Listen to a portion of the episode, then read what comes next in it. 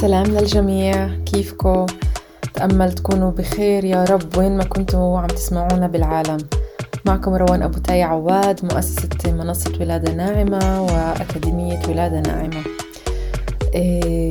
بتأمل تكونوا عم تستفيدوا من الحلقات إيه، والضيوف اللي عم نستضيفهم في البودكاست وعم تتعلموا أمور جديدة وعم تستمعوا للقصص الموجودة.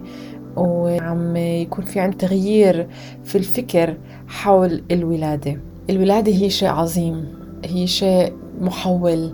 لحظة الولادة نفسها هي ولادة للأم وولادة للطفل في نفس الوقت. إيه، وهي تجربة عن جد روحانية. أنا بحس كأنه إحنا موجودين في بوابة طاقية خلال الولادة.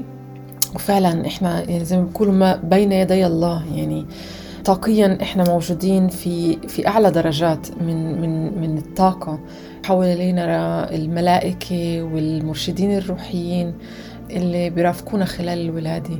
ففي انتنس في الطاقة في عظمة رهيبة جدا خلال مرحلة الولادة. فبحس إنه عن جد هي بوابة لخروج روح من روح وهي شيء عن جد مش مفهوم ضمنا يعني ما ما هو ما هي تجربة اللي هي عادية. فكتير مهم وإحنا داخل هاي التجربة نستمع أكتر لحدسنا نكون حاضرين في اللحظة بالرغم من الألم. بعرف رح تحكوا لي روان الألم رهيب. كيف فينا نعيش اللحظة؟ حتى مع الألم فينا نعيش في اللحظة ونحس بالألم زي ما هو ونتقبل وجوده. الألم هو مش شيء سيء الألم الشيء اللي بيعلمنا دروس. في هاي الحلقة رح أستمر في نشر كمان قصص ولادة. قصص الولادة هاي المرة هي رسائل وصلتني من أمهات اللي مروا برحلة ولادة إيجابية وحبوا يشاركوا النساء الأخريات تجربتهن ويحكوا لهن آه، إنه فيها الولادة تكون بشكل مختلف. هدول النساء اللي حبوا يشاركوا رسائل النساء مؤمنات إنه الولادة فيها تكون تجربة إيجابية وتجربة محولة لأنه هن مروا فيها. بالرغم من الألم اللي شعروا فيه هن حسوا وجربوا وحبوا إنه يكونوا جزء من تغيير الوعي الجمعي حول الولادة. أنا عن جد بتشكرهن كتير وبتشكر آه، جرأتهن على مشاركتهن آه، هاي القصص عن جد مؤثرة وملهمة. رح أبدأ بأول رسالة من ماما خلود. مرحبا روان. حبيت أشارك بتجربتي الأولى مع الولادة. تجربتي مع الحمل والولادة بلشت كتير قبل ما شفت نتيجة فحص الحمل الإيجابية. تجربتي مثل كتير قصص غيري حسب رأيي بلشت مع سماع قصص كتير عن الولادة عن الألم عن الخوف. ولما فحص الحمل المنزلي أظهر إني حامل بدأت أحاول أغير نظرتي للولادة.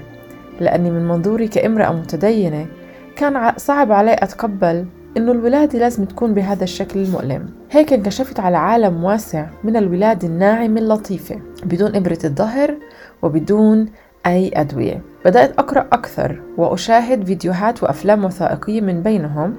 The Business of Being Born اللي كشف لي كتير حقائق عن الولادة بدول غربية.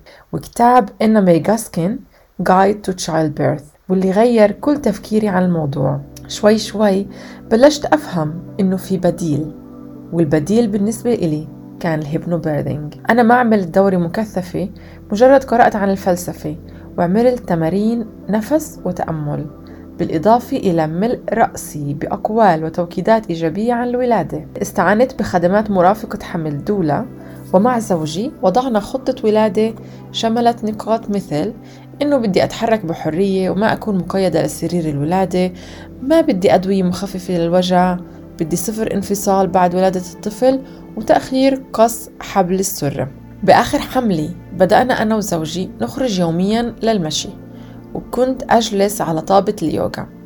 ويوم قبل الأسبوع الأربعين من الحمل بدأ الطلق.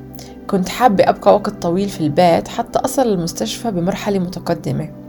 وبالفعل مع تمارين النفس وتدليك الظهر والجلوس على طابة اليوغا بقيت بالبيت حتى الصباح. ولما قررنا نروح على المستشفى كانت الولادة بمراحل متقدمة. دخلت حوض الماء لمدة ساعتين ومن بعدها كانت تفتحات عنق الرحم 10 سنتي. مرحلة الدفع بوشينج استمرت قريب الساعة لأن الجنين ما كان بالوضعية المثالية. فبعد ساعة دكتورتي اضطرت تعدل رأس الجنين ومن بعدها بدقيقتين. ولدت طفلتي آية صحيح ما كانت كل الولادة بكاملها كيف ما توقعت. كانت في لحظات شعرت فيها إنه ممكن ما أقدر أتحمل أكثر. بس وجود دعم من زوجي ومرافقة الحمل اللي استعنا فيها أعطوني قوة أرجع أركز بالنفس العميق وأكمل ماراثون الولادة. بتأمل القصة تغير شوي من منظورنا للولادة وبالنجاح لكل العظيمات المقبلات على هاي التجربة. خلود. شكرا كتير يا خلود عن جد رائعة. إيه كتير حبيت التفاصيل اللي شاركتيها في القصة وإنه عن جد الولادة مش شرط تكون بالتفصيل حسب كيف خططنا لها كيف تخيلناها. ولكن لازم نكون مرنين ونتقبل التغييرات اللي ممكن تحصل معنا والأشياء الطارئة اللي ممكن تحصل معنا لحتى نتقبلها وتمر بسلاسة أكثر حبيت إنه هي استعانت بخدمات الدولة. إيه، خدمات الدولة رهيبة إيه، في حالات الولادة. أهمية الدعم من الزوج.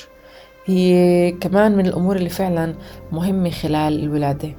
فهاي القصة الأولى لليوم. القصة الثانية قصة آه، سريعة إيمان من الجزائر. إيمان كانت دائما تراسلني خلال فترة حملها بأسئلة يعني استفسارات حول الحمل والولادة وكنت مرافقتها خلال هاي الفترة. فبعثت لي برسالة سريعة بعد ما ولدت. هي بعثت لي بالليل أنا عم عم بولد وبلشت عندي الأمواج. وحكت لي شو أعمل كيف أتصرف فساعدتها شوي. ولما صحيت من النوم كانت وصلتني هاي الرسالة. إيمان بتحكي هيك. أنا كنت في الأول عادي بس لما صار حملي بالشهور الأخيرة بلش الخوف. الأفكار تروح وتجي وإخواتي بيحكوا لي تجاربهم مع الولادة. بلشت أخذ صورة على الموضوع وبعدها قررت لحالي بدي أستمتع بولادتي على طريقتي الخاصة. صرت أتفرج كتير على اليوتيوب عن كل صغيرة وكبيرة عن الولادة ومن النقطة هذه تحمست كثير وكنت واثقة من نفسي ومتفائلة جدا. وبعدها شفت صفحتك على الإنستغرام بعثتلك وما ترددت. كنت دايما أقرأ منشوراتك وكل يوم أتحمس للموعد. تدريجيا انتزع الخوف. ولما أجاني الوجع صبرت وما رحت على المشفى دغري. صبرت من 12 ليل حتى 8 صباحا والوجع فيا.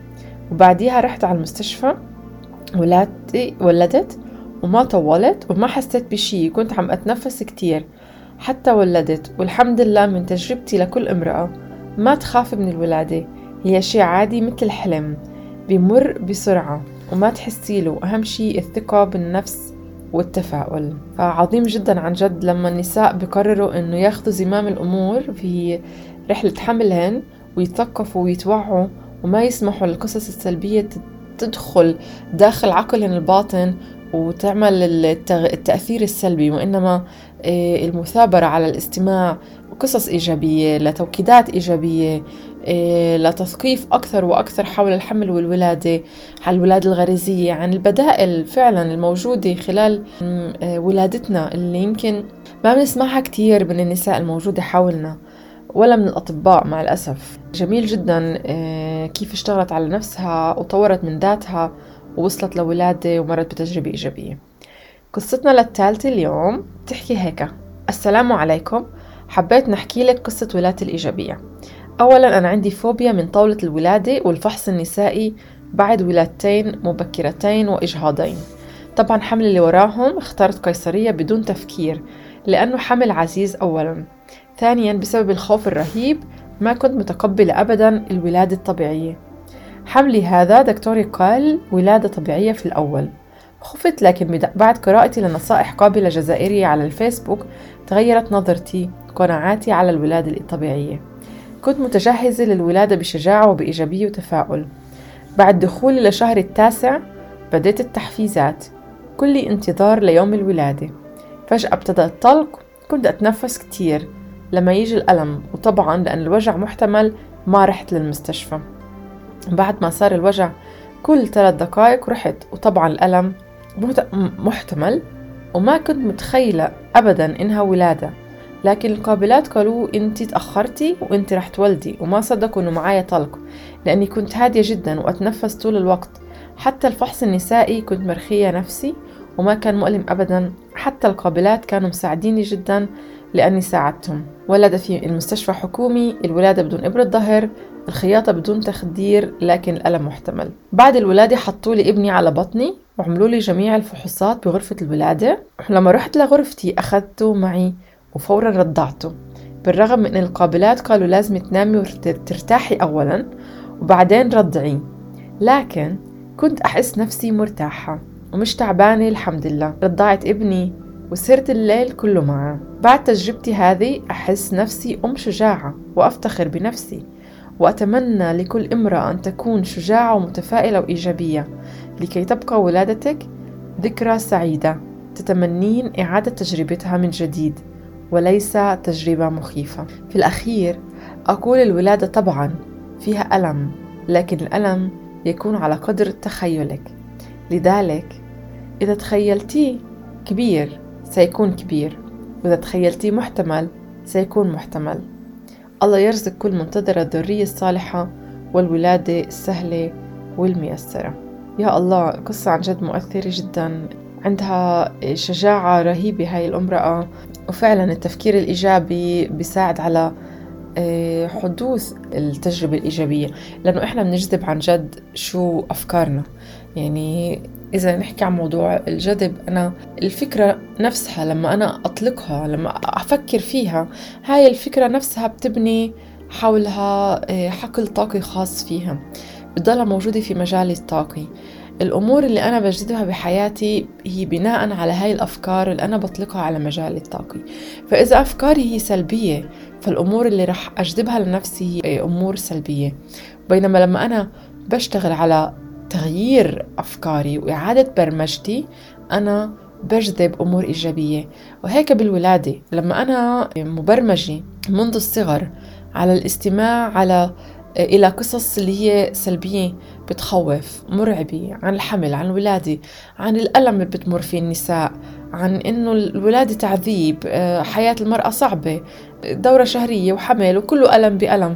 فكل هاي برمجة موجودة في العقل الباطن موجودة في حقل الطاقي أنا أنا بجذبها. ساعتها أنا بتجربتي في الحياة متناغمة مع هاي الأفكار. فالمهم بالآخر أني أوعى لهاي الأفكار لهاي الأنماط الموجودة بأفكاري وأبدأ أكسرها وأبدأ أحطمها أو أغيرها.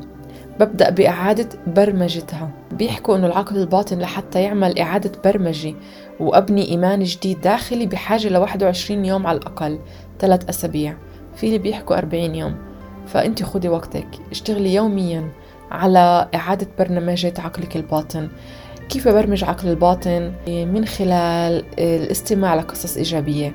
استمعي لبودكاست ولادة ناعمة ارجع للقصص السابقة واستمعيها إذا ما استمعتي لها قبل. عيديها. إذا في قصة هيك حسيتك بتفاؤل كبير احفظيها اعملها داونلود وارجع استمعي لها. استمعي للتوكيدات. في توكيدات موجودة في موقع ولادة ناعمة www.softbirthacademy.com إيه، استمعي لهدول التوكيدات خلال الحمل. حمليهن عندك بتليفونك قبل النوم.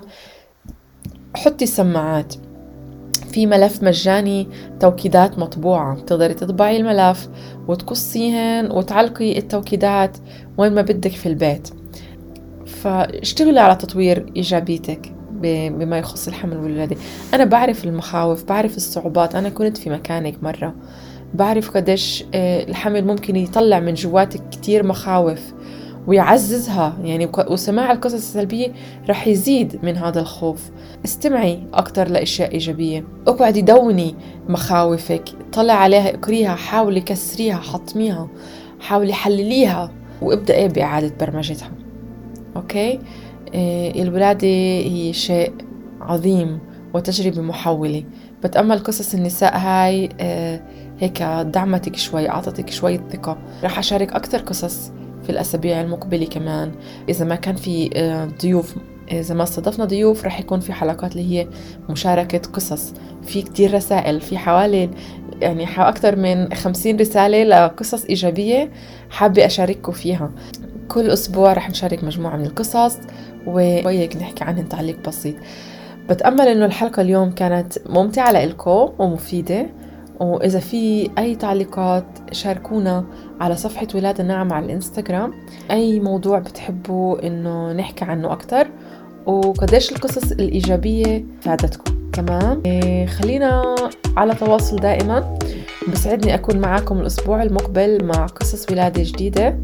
قصص ولادة ناعمة حلقة هيك ممتعة. احكوا لنا مين بنحب بتحبوا نستضيف وأي مواضيع بنحبوا بتحبوا نحكي عنها. تمام؟ سلامات للجميع وإلى اللقاء الأسبوع القادم. باي باي.